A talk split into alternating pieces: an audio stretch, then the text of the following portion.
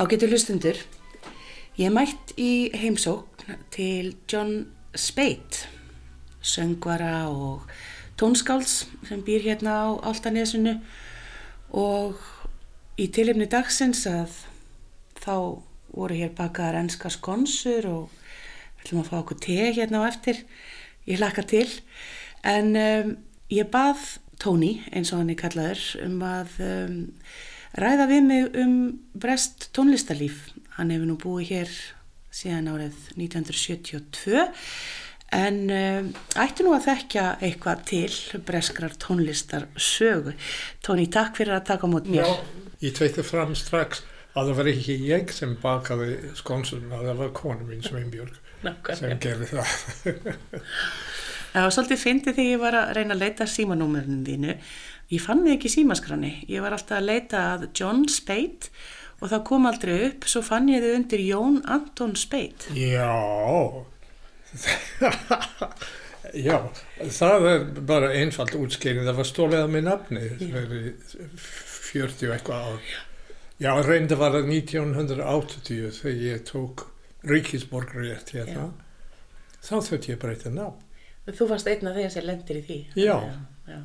En ég þurfti að breyta fornöfnin en ekki eftirnöfn vegna hann Ashkenazi fekk að halda Ashkenazi þá breytist laun svolítið. Þetta er svolítið svipa og mér finnst og þegar það var bannað að vera með höndahald í borginni hérna og allt í einu fannst einn ráðherra þáverandi ríkistjórn átti hund hjá mér og sér þá auðvitað bara breyta laugin. En að minnst að kosti, þú hérna ert nú bara kallaður af vinnum þínum og, og erum bara Tóni. Já, það er alveg rétt. Þetta kemur út af því að ég heiti John Anthony e eða hétt það hennar sinni. En þegar ég uh, átta heim í Breitlandi þá fadur minn hétt líka John. Svo heima var það miklu einfaldra að ég var að kallaða Tony. Þá vorum við ekki báðir að svara þegar ég var að kallaða John. Einfalt, einfalt. Þú læri söng í Breitlandi. Hvar, hvar varst að læra? Ég var í Guildhall School of Music and Drama í London og ég var mjög ánægðið þar. Mjög, mjög gaman að vera það þá. Já. Og ég var í það sem uh, kallaðist núna gamla byggingin. Ég hef aldrei, jú ég stýr rétt í fórstofunni á þessi nýja Barbican en það var, við verum í, í gamla bygging þarna neður við Blackfriars Bridge og það var svo mikið karakter í, í þarna í þessum bygging. Mjög gaman að vera þar. Og þú kynist konuninni Sveinbjörgu Viljámsdóttur sem var þannig við nám í pjánuleik Já. líka. Var aldrei spurningum að setja stað úti? Jú, hugmyndin var að koma hingað að vera í hefni tvö ár og fara aftur að kaupa hús í London. Ég tekði fram að þá það var miklu betur borga tónlistafólk hérna heldur í Breitlandi. Þá var þessi hugmynd að, að safna penningar hér og fara aftur og kaupa hús. En það einhver meina tókst ekki eða og verðum ekki ennþá búin að samla penninga nei það er ekki alveg rétt en hérna við lifum mjög góð lífi hérna Já. og erum mjög Sveinbjörg Avísu var pínulítið í svona ef ég má nota kultursjokk uh, til að byrja með og uh, fannst ekkit gaman að vera hérna en svo þetta, þetta finnst og mér finnst ennþá að ég er svona halvpart bara í frí hérna. Það er, svo, eða, já, það er oftast næst svo fallegt að horfa út á gluggan og svo, já, Ísland landið er alveg stórkoslegt. Sko. Ég ætlaði einmitt að spyrja þig hvort að þú hafur ekki fengið kultúrsokk að koma hingað úr íðandi tónlistarlífi Lundunaborgar. Jú, að að vísu, ég man eftir fyrstu skólatónleika sem ég fór á hérna sem var algjör marathón tónleika og flest all, allir nefndur sem var að spila voru byrjund og þetta var ekki neitt glæsilega standard eða, já. En þetta var gjör breyst síðan og ég vil meina að ég hef tekið þátt í þessu breytinga sem gerðist hér að mér finnst kennslan og allt sem hefur bara stíð bara upp og upp upp Mm. og núna erum við með listaháskólan og já já þetta var gjörbreyst þetta er að vera 50 ár Mm. svo það er tími komin að það, það kemur eitthvað árangar Það náttúrulega gerist kannski sjálfkrafa eða ekki sjálfkrafa en þegar fólk fer uh, út að læra og, kemur heim með sína reynslu og sína þekkingu. Það er nefnilega alveg rétt hjá þér að ég held að áður en ég kom enga, að fólk, það var ekki svo mikið tísku að fara út að læra þessum kynnslóðu sem var á undan og það er skrítið við ætlum að tala eitthvað um einstónlist það var það í raun að vera í Englandi fólk á 18. og 19. öld og svona fór ekki út að læra og þá dó í raun að vera músiklífi það var engin það er sagt frá Pussel til Elga en það er kannski smá íkt en hérna fólk var ekkert að fara út og læra og sjá hvað það gerast hingað og þangað nýtt, einhver nýtt og þá er stöðnum og kannski var það svolítið hérna, það var kannski mjög erfitt fyrir fólk sem ætla sér eitthvað í músík að fara út að læra. Ég veit ekki En við skulum bara þá fara þangað í uh, svona, ætlum að taka stuttans grens á breskri tónlistarsögu og, og, hvað er ég að byrja á John Dowland? Já, til dæmis maður getur alveg byrja á John Dowland sem fætist reynda á Írlandi og kannski írskur að minnst kosti einhverju íra vil, vilja hafa hann sem íri Fyrir svona eins og Noregur og Ísland svolítið. Já, Vilja eign ykkur hvers annars. Já, Já, já. eins og með Hendel sem englendingu vilja bara endilega eignast en svo Ítali líka og svo já. þetta er ekki nýtt og hérna En er hann svona, hann er svona fyrsta stóra nafnið í breskri tónlistarsögu?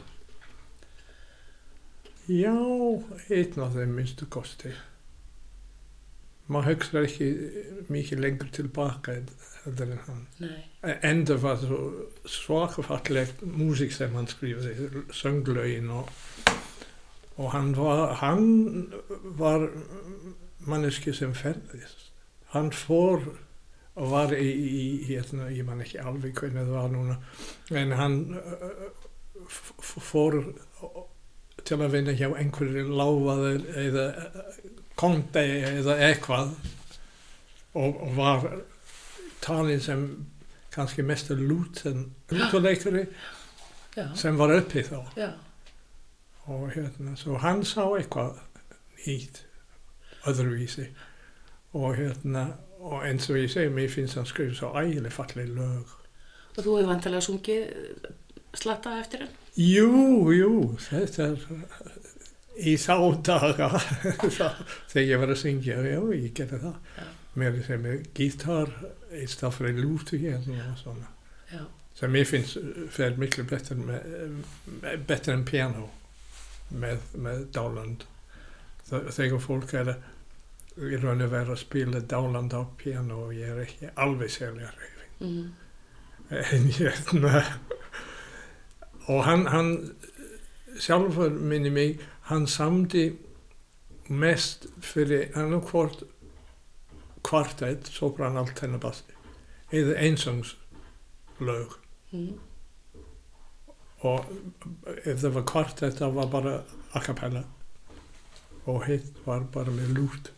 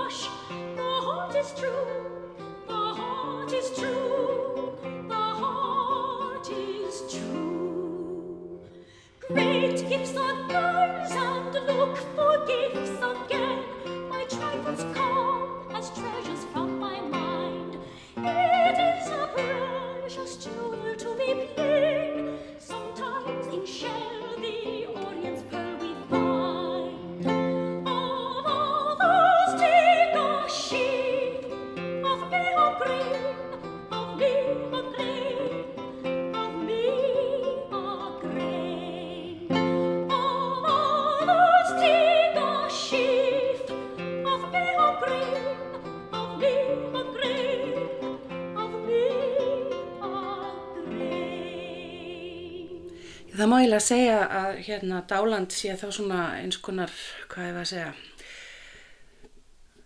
þjóðargersemi hjá ykkur, hjá ykkur breytum. Já, það verðist verið mikið í tísku núna að vera með þjóðagir sem að, jú, jú, ég held það og ég held að flest söng nefndu og söngvara bara ger einhver tími lög eftir Dáland. Já, kannski ekki þessi Vagner söngvara en vonandi ekki. En, Einhvers staðar í byrjun, einhvers staðar verður maður með að byrja. jú, já. jú, jú. Og, og þó eins og oft, þetta er ekki byrjandi músík, þetta er uh, svolítið erfitt, erfitt.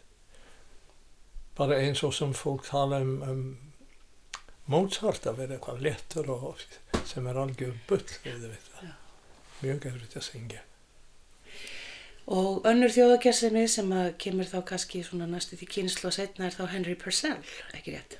Já, hann Henry Purcell, mér, fannst, mér finnst hann alveg stórkosli tónskáld, alveg stórkosli. Hann hérna eh, hefði svo mikið áreif setna mér á Britain og hérna með þessi svona að fara að mála myndi svo oft menn áttu. Það er, maður get alveg séð úr músikinn ekki ekki úr prenta blaði heldur en það sem maður heyrir hvað, hvað er menn hvað er, hvað er í gangi í verkinu sko. ef það er eitthvað mjög dramatíst þá er það verulega svo og e- eins, eins og svolítið var þessi tímabil í, í Breitlandi, Englandi þessi svona fyrsta Elizabeth Elizabethan period. Hérna það, það var svo, fólk var svo eitthvað lifandi þá. Ekki bara í, í músík ljóð og vísindi og allt, það var alltaf nýtt allt til að finna upp og að, mjög lifandi.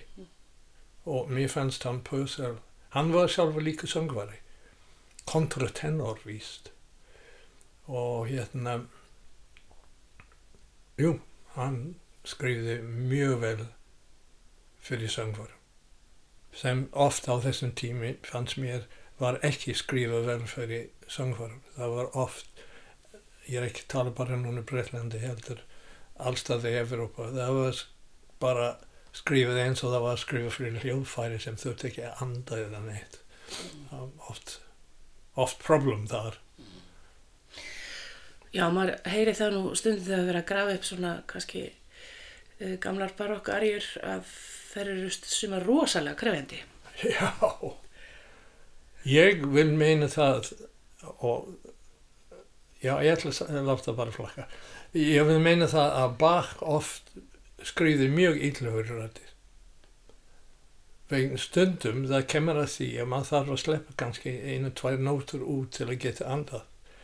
Ég held Bach var svo upptekinn við að skrifa músík. Hann var ekki sérlega að hugsa að þetta var þe- þessi aumingi söngvari þarf að anda hérna eða hérna hérna. Hann, var, hann vildi fá músikinn átt að vera svona og það var það sem var aðalatriði.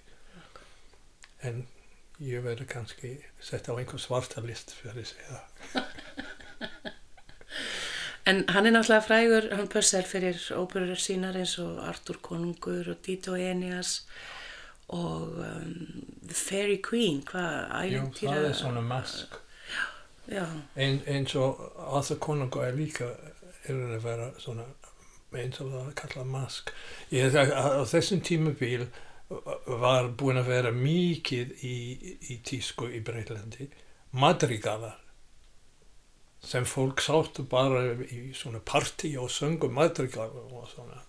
Ég jáfnvel séð, séð myndir af eh, svona nýfapör sem voru með einhver kannski sopranlíni á, gafl, á gafli hérna og, og svo allt á eða bassi á hníf og svona fólk, það var hægt þá að sitja við borðið og syngja bara Já, ef maður trúi því að fólk var í svo flink að lesa nóttu þá. En þú hefur vantilega tekið þátt í einhverjum uh, uppfæslum á, á Purcell óperum. Jú, jú, ég hef sungið hvort ekki í hérna í King Arthur. Mjög skemmtileg uppfæsla sem var gert hérna. Og líka Fairy Queen sem aftur var gert hérna þá var það eh, Guðmund Emilsson sem setti upp Fairy Queen með það íslenska hljómsveitinni sem var. Og Gunnstein Ólason sem, sem gerði King Arthur. Mjög, mjög skemmtilega meira að segja í, í hérna King Arthur við vorum bara með erlendi hljófæðarleikar þarna og það var mjög flott uppsetning Og varstu þá, hvað, varstu kuldabóli þá í, í einmitt. drótingunni? já, já, já, já, já. Þetta er mjög skemmtilegt hlutverk. Sérstaklega þessi fræga sko, skjálfandi ari sem er þarna. Sem er bara kallið hvað, kulda Arjan, cold, cold Arja, já. já, já.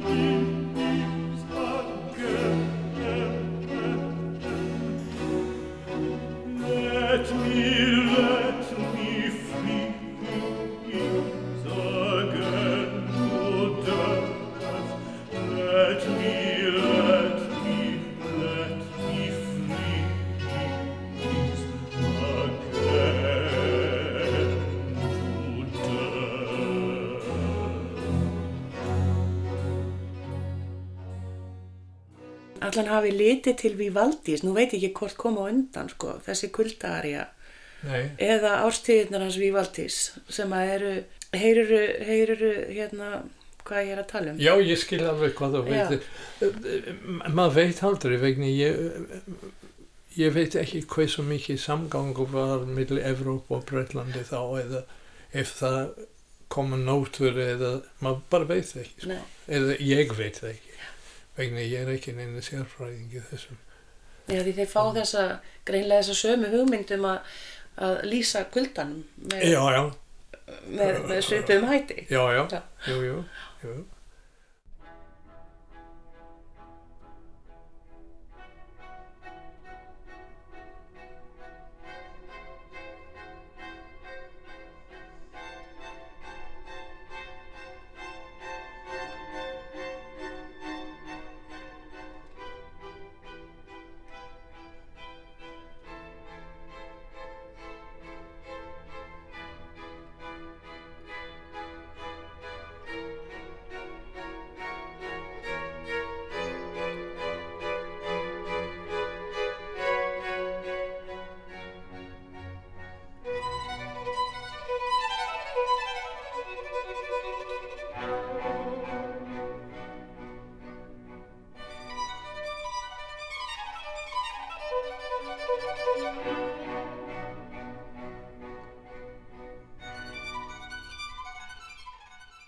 Samband við þessi madrigalsöng og svona.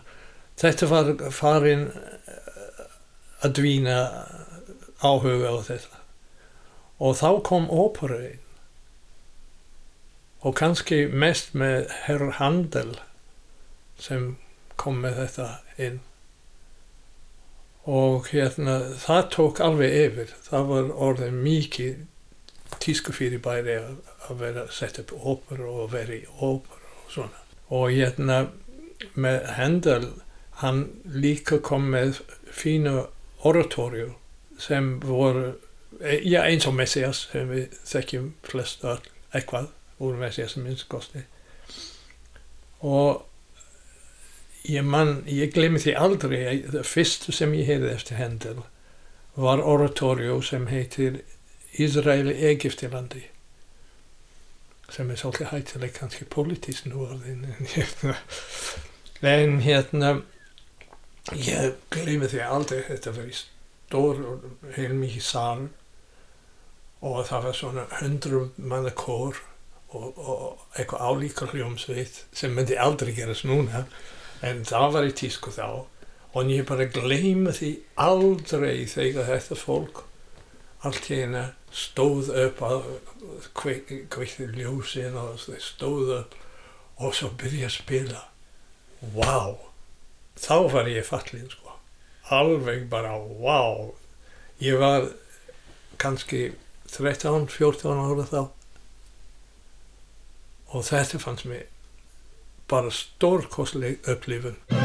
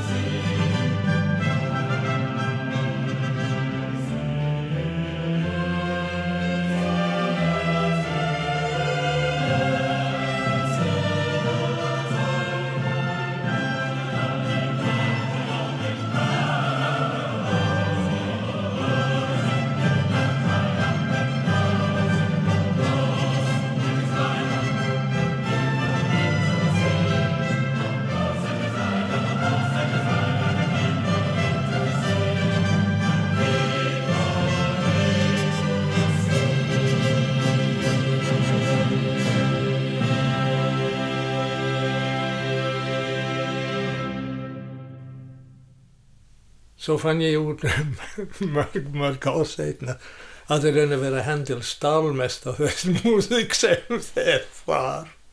Og hvað, hvaðan stal hann henni? Hingað og þangað. Já, Hann, hann, hann tók svo oft, uh, fann eitthvað og bara betur en bætið. Hann tók og breyti smá hér og smá hér og svo setta eins og hann hefði getað allt sjálfur. Hann stalvís frá svona menn eins og Carabini og menn sem voru kannski ekki þekktir í Englandi og músík sem var ekki þekkt en hann hann, fekk lánað og gerði það betra.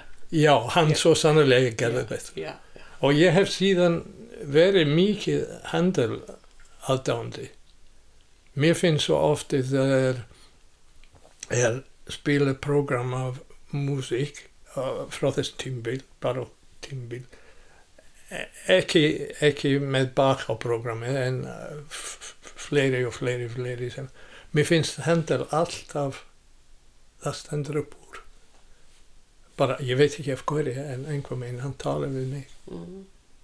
Mér stann alltaf með þessu flotta bassalínur.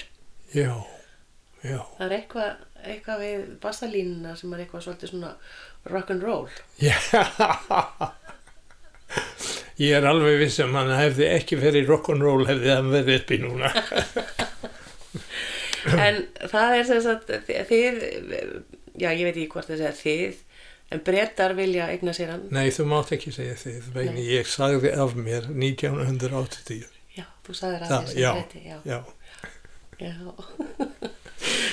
brettar vilja eigna sér hann og þú segir Ítali vilja eigna sér hann og, og svo er náttúrulega er hann fættur í Þýskalandi. já, já, jú, jú. Já. Og ég held að segja engin sammála um hver, hver á hvað. Nei. En hann er svona okkar allra bara, er ekki satt. Jú, er það ekki? Já. En frá Hendel og sko, já, barokki, það er náttúrulega fullt af góðum meisturum þarna, en það fer eitthvað lítið fyrir frábærum enskum klassískum meisturum. Nei. Það er, það, það, hvað hva, hva Þú gerist, vissi ekki hvað það er að gerast í Evrópu. hvað gerist þar? Í Evrópu? Nei, ég meina á Breitlandi. Ég meina bara Já. bara, ég er alveg samfærið um það. Þeir bara fylgist ekki með. Og þó ég er persónulega svolítið að móti að vera að fylgja eitthvað tísku fyrir bæð, það gerist ímislegt, sem maður getur notað sjálfur og betur en bæt eins og hendur. Mhm. En, hérna, en það bara einhver með það gerist ekkert. Já, þetta er samt svolítið merkilegt sko að, náttúrulega Muzio Clementi, hann er Ítali og hann kemur og sest að og í Breitlandi Já, já. um, og svo eiginlega, ég man ekki eftir neinum breskum klassískum mistara Nei, nei, það er ekki til. Nei. Það er bara ekki til. þannig að við hoppum hann yfir heilt tímabil Já, í raun og vera. Það er kannski einhver svona uh, minni eða já, minni mistarar minnimestara. Það er enginn sem Það er enginn sem stendur upp úr. þessi engin sem stendur upp Nei. nei. Mozart kom í heimsókn, ekki satt Já, já. Jú. og það voru svona fólk uh, voru tónskald og, og flytjendur sem komu í heimsókn og, og spiluðu þannig að einhver Ég held, og aftur þetta er bara mín persónlega hugmynd, að þegar Mozart kom einhver stað, að þetta var svolítið fjörleikuhús. Þetta var svolítið síning að sjáðu hvað strákurinn geti gert. Og það gerist af og til nú en þá að einhver krakki er sett upp á sviði og, og, og gerir eitthvað svona töfrabröð á hljófæri en þú hefur engin áhrif á, á já, ég held að hann hefði bara engin áhrif vegna þetta var tekin sem sagt bara skemmtum sjáðu hvað likli strákurinn geti gert. Mm. já, og svo kemur Haydn líka og Já. hann sest að jú, jú, í einhver tíma. Jú, jú, býr nú til nokkrar sinfoníur þarna og, já, og verðist líða vel. Já, það en það er ekkert svona brest nafn sem Nei. að, að hoppa fram. Kannski þóruð ekki fara í samkeppni. Kannski en það heldur betur breytist þegar að, að, hérna að romantíska tímumbili kemur. Það virðist þá falla betur í geðið. Já, þetta er svolítið svona skrítin finnst mann alltaf vegna breyta maður hugsa með að vera svona eitthvað svona alvarleg, alvarlegir eða eitthvað svona ekkert að tjá sig mikið og alls ekki tilfinninga en svo allir finnum menn eins og, já, hvað, hvað viltu nefna? Það er bara Elgar? Já, til dæmis. Sem mér fannst alltaf, þegar ég var á yngri árun, mér fannst hann alltaf bara Brahms útgáfa, eitthvað ódýrt útgáfa Brahms. Eh, Ég, ég er búinn að skipta um skoðan núna, ég held að. Það er kannski ellin núna sem er að maður tekar vel að móti þessi svona romantík.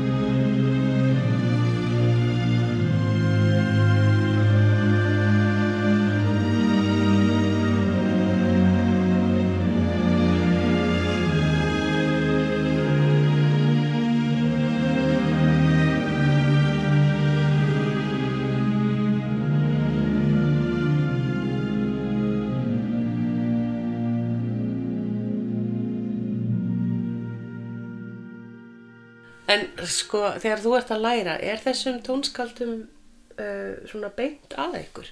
Fannst, Jú. Þér það? Já, Jú, já. já.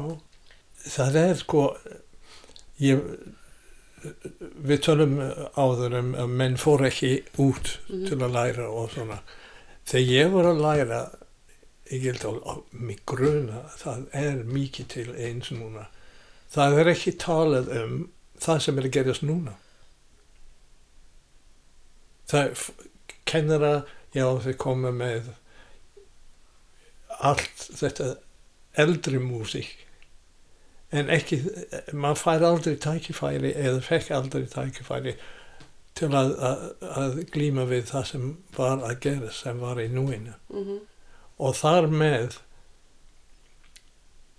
að það kemur eftir því stöðnum það er, maður fær menn og, og hvern menn sem er að hlusta á eitthvað avantgard, eitthvað nú, nútíma tónlist. En þeir hlusta á þetta eins og þeir hlusta á Brahms eða Bach og það gengur ekki upp. Ef maður er að hlusta bara eftir einhver falleg laglína með umtjá, umtjá, umtjá, umtjá þá, þá er þetta sjokkið maður það er mjög erfitt og maður skilur ekki neitt sem er í gang en maður þarf að bara losa sig og eina leiðin út er ef, ef kennara, tónlistakennara byrja að kenna það sem er að gerast núna finnst mér Ekki að byrja á öfuðum enda. Nei, ekki gera það. þetta, þetta er, ég, ég er alveg sannfærið um og ég hef sagt það í mörg, mörg ár. Ef barn er alin upp og heyrir í raun að vera, við skulum segja, Stockhausen, við tökum svolítið svona íkt dæmi. Og þú ert búinn að spila fyrir þessi barni mörg, mörg ár einungi Stockhausen eða eitthvað álíkt. Og þú setti á allt í einu Beethoven. Hann myndi fá bara sjokk hvað hva, hva er þetta, hvað er þetta? Vegna maður er ekki búin að fara í gegnum ein, einhvers konar ferill til að til að fylgjast með það sem er að gerast var að gerast og er að gerast og, og þróunin, hvernig þróunin er. Finnst þér sko eins og í þínu breska tónlistar uppeldi í gegnum tónlistaskólanu þannig úti, finnst þér að, að breskum tónskáldum hafi frekar verið ítt að þér heldur en öðru? Voru þeir svona taka, voru þeir svona svolítið svona þjó, þjóðuregnir Já, í sér? ég, þegar ég lít tilbaka núna, ég er mjög hissa til dæmis að maður læri aldrei neitt um Sibelius eða Skandinavið, það var bara ekki til. Það talaði enginn um það. En einhver þriðji flokks tónskáld eða eitthvað svona er fær flutning, þú þátt að líta á þetta og sjá þetta. En maður heyri aldrei eins og segja um Sibelius, en ef þú vil fá bresk, það var til dæmis Britain, var ekki mið, það var svo erfitt. Músiki hans er svo einfall, í raun og vera. En það, næ, þetta sitt, það, sko, þegar ég læriði, ég læriði þetta og nú ætla ég að kenna og þú ætla að læra þetta sem ég læriði. Sem ég held að gengur oft svona ennþá. En það er ekki alveg rétt. Ég held að ef maður er lækni eða eitthvað svona, að það þarf alltaf að fara á námskeið til að finna út hvað er nýjast og lesa blöðin og bla bla bla. En músikan þarf ekki að gera það. Því miður. Nú er ég að tala frá sjónum við tónskáls.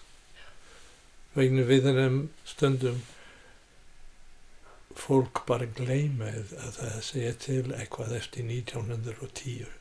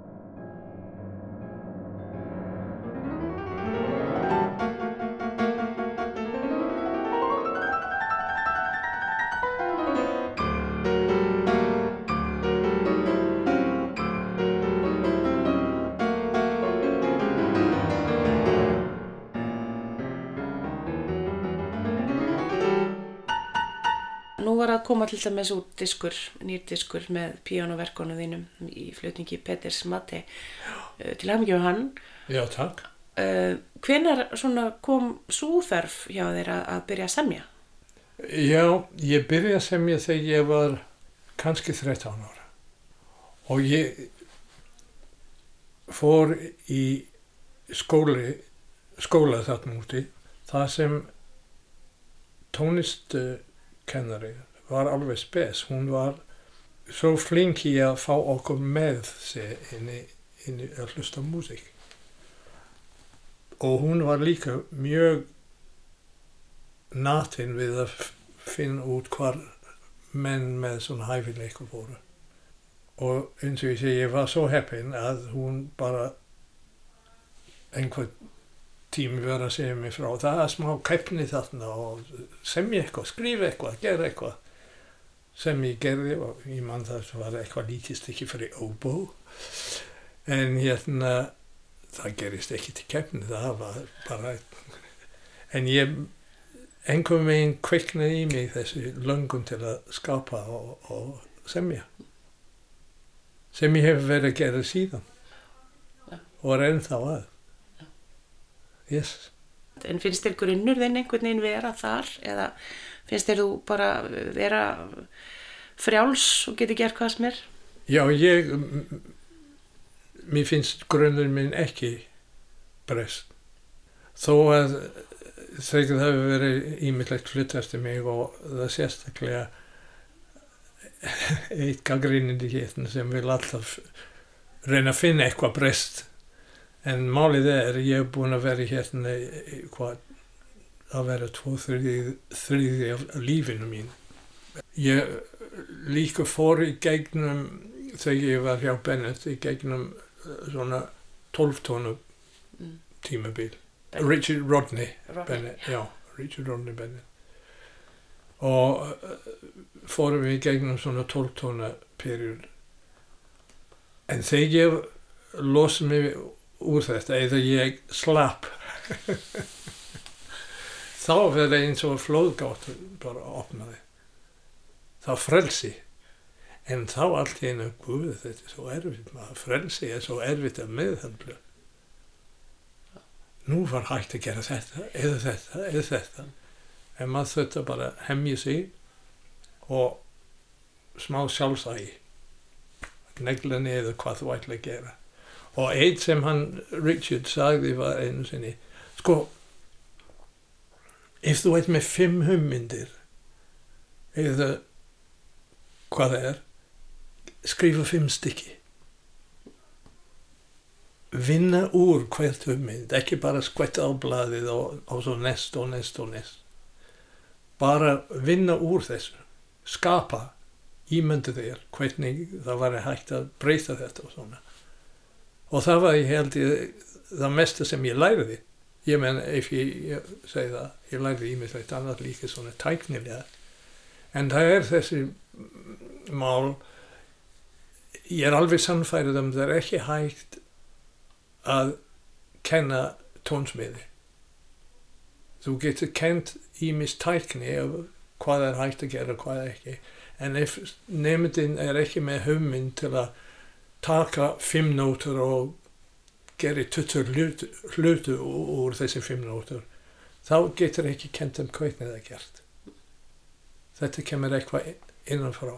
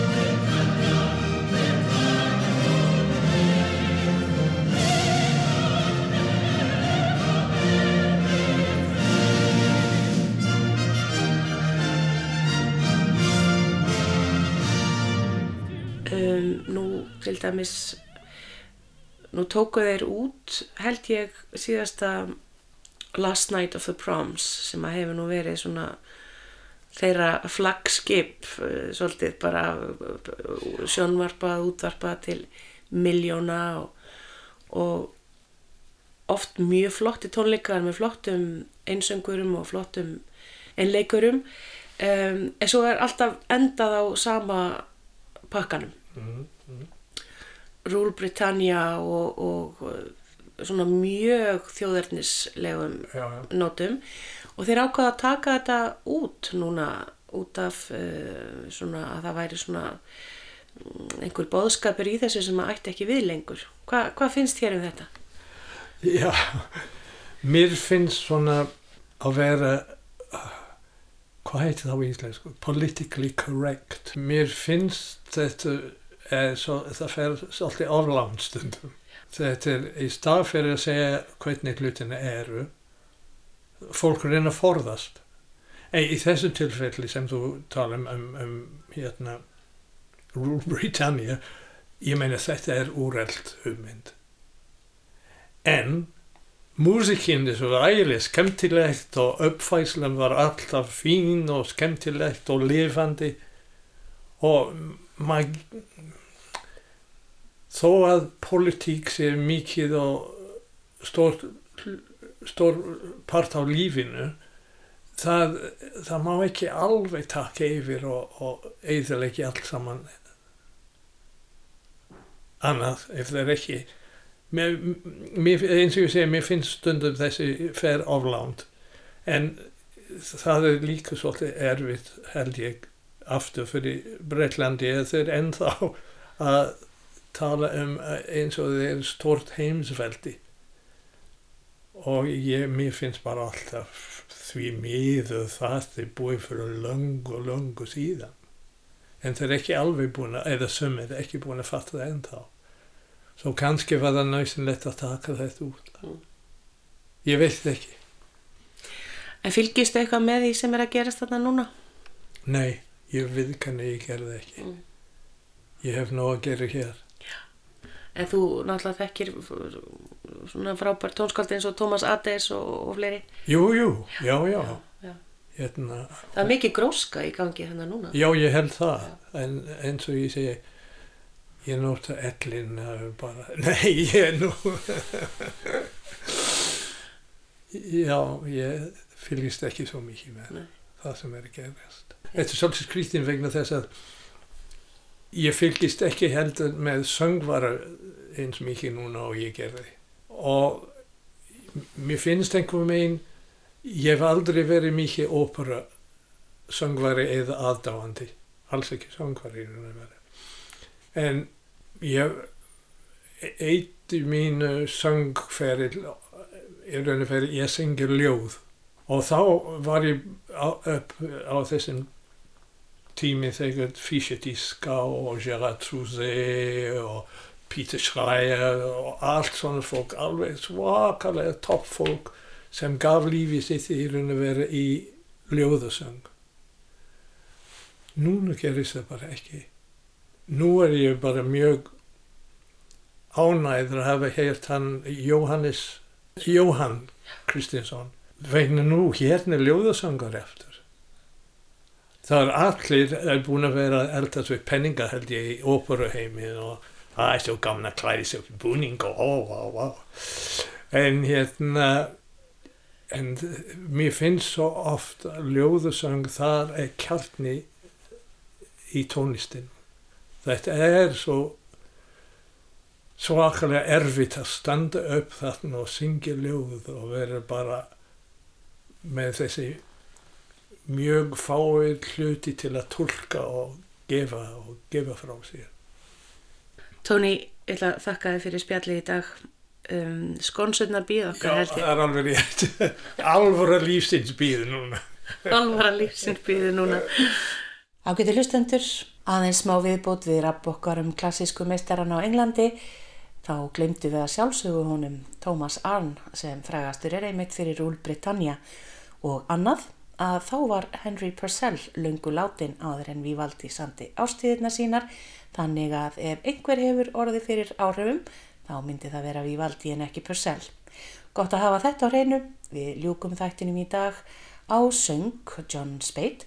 Hann syngur hér að lokum Music for a While eftir Henry Purcell á píanóðuleikur eiginkona hans Sveinbjörg Viljámsdóttir.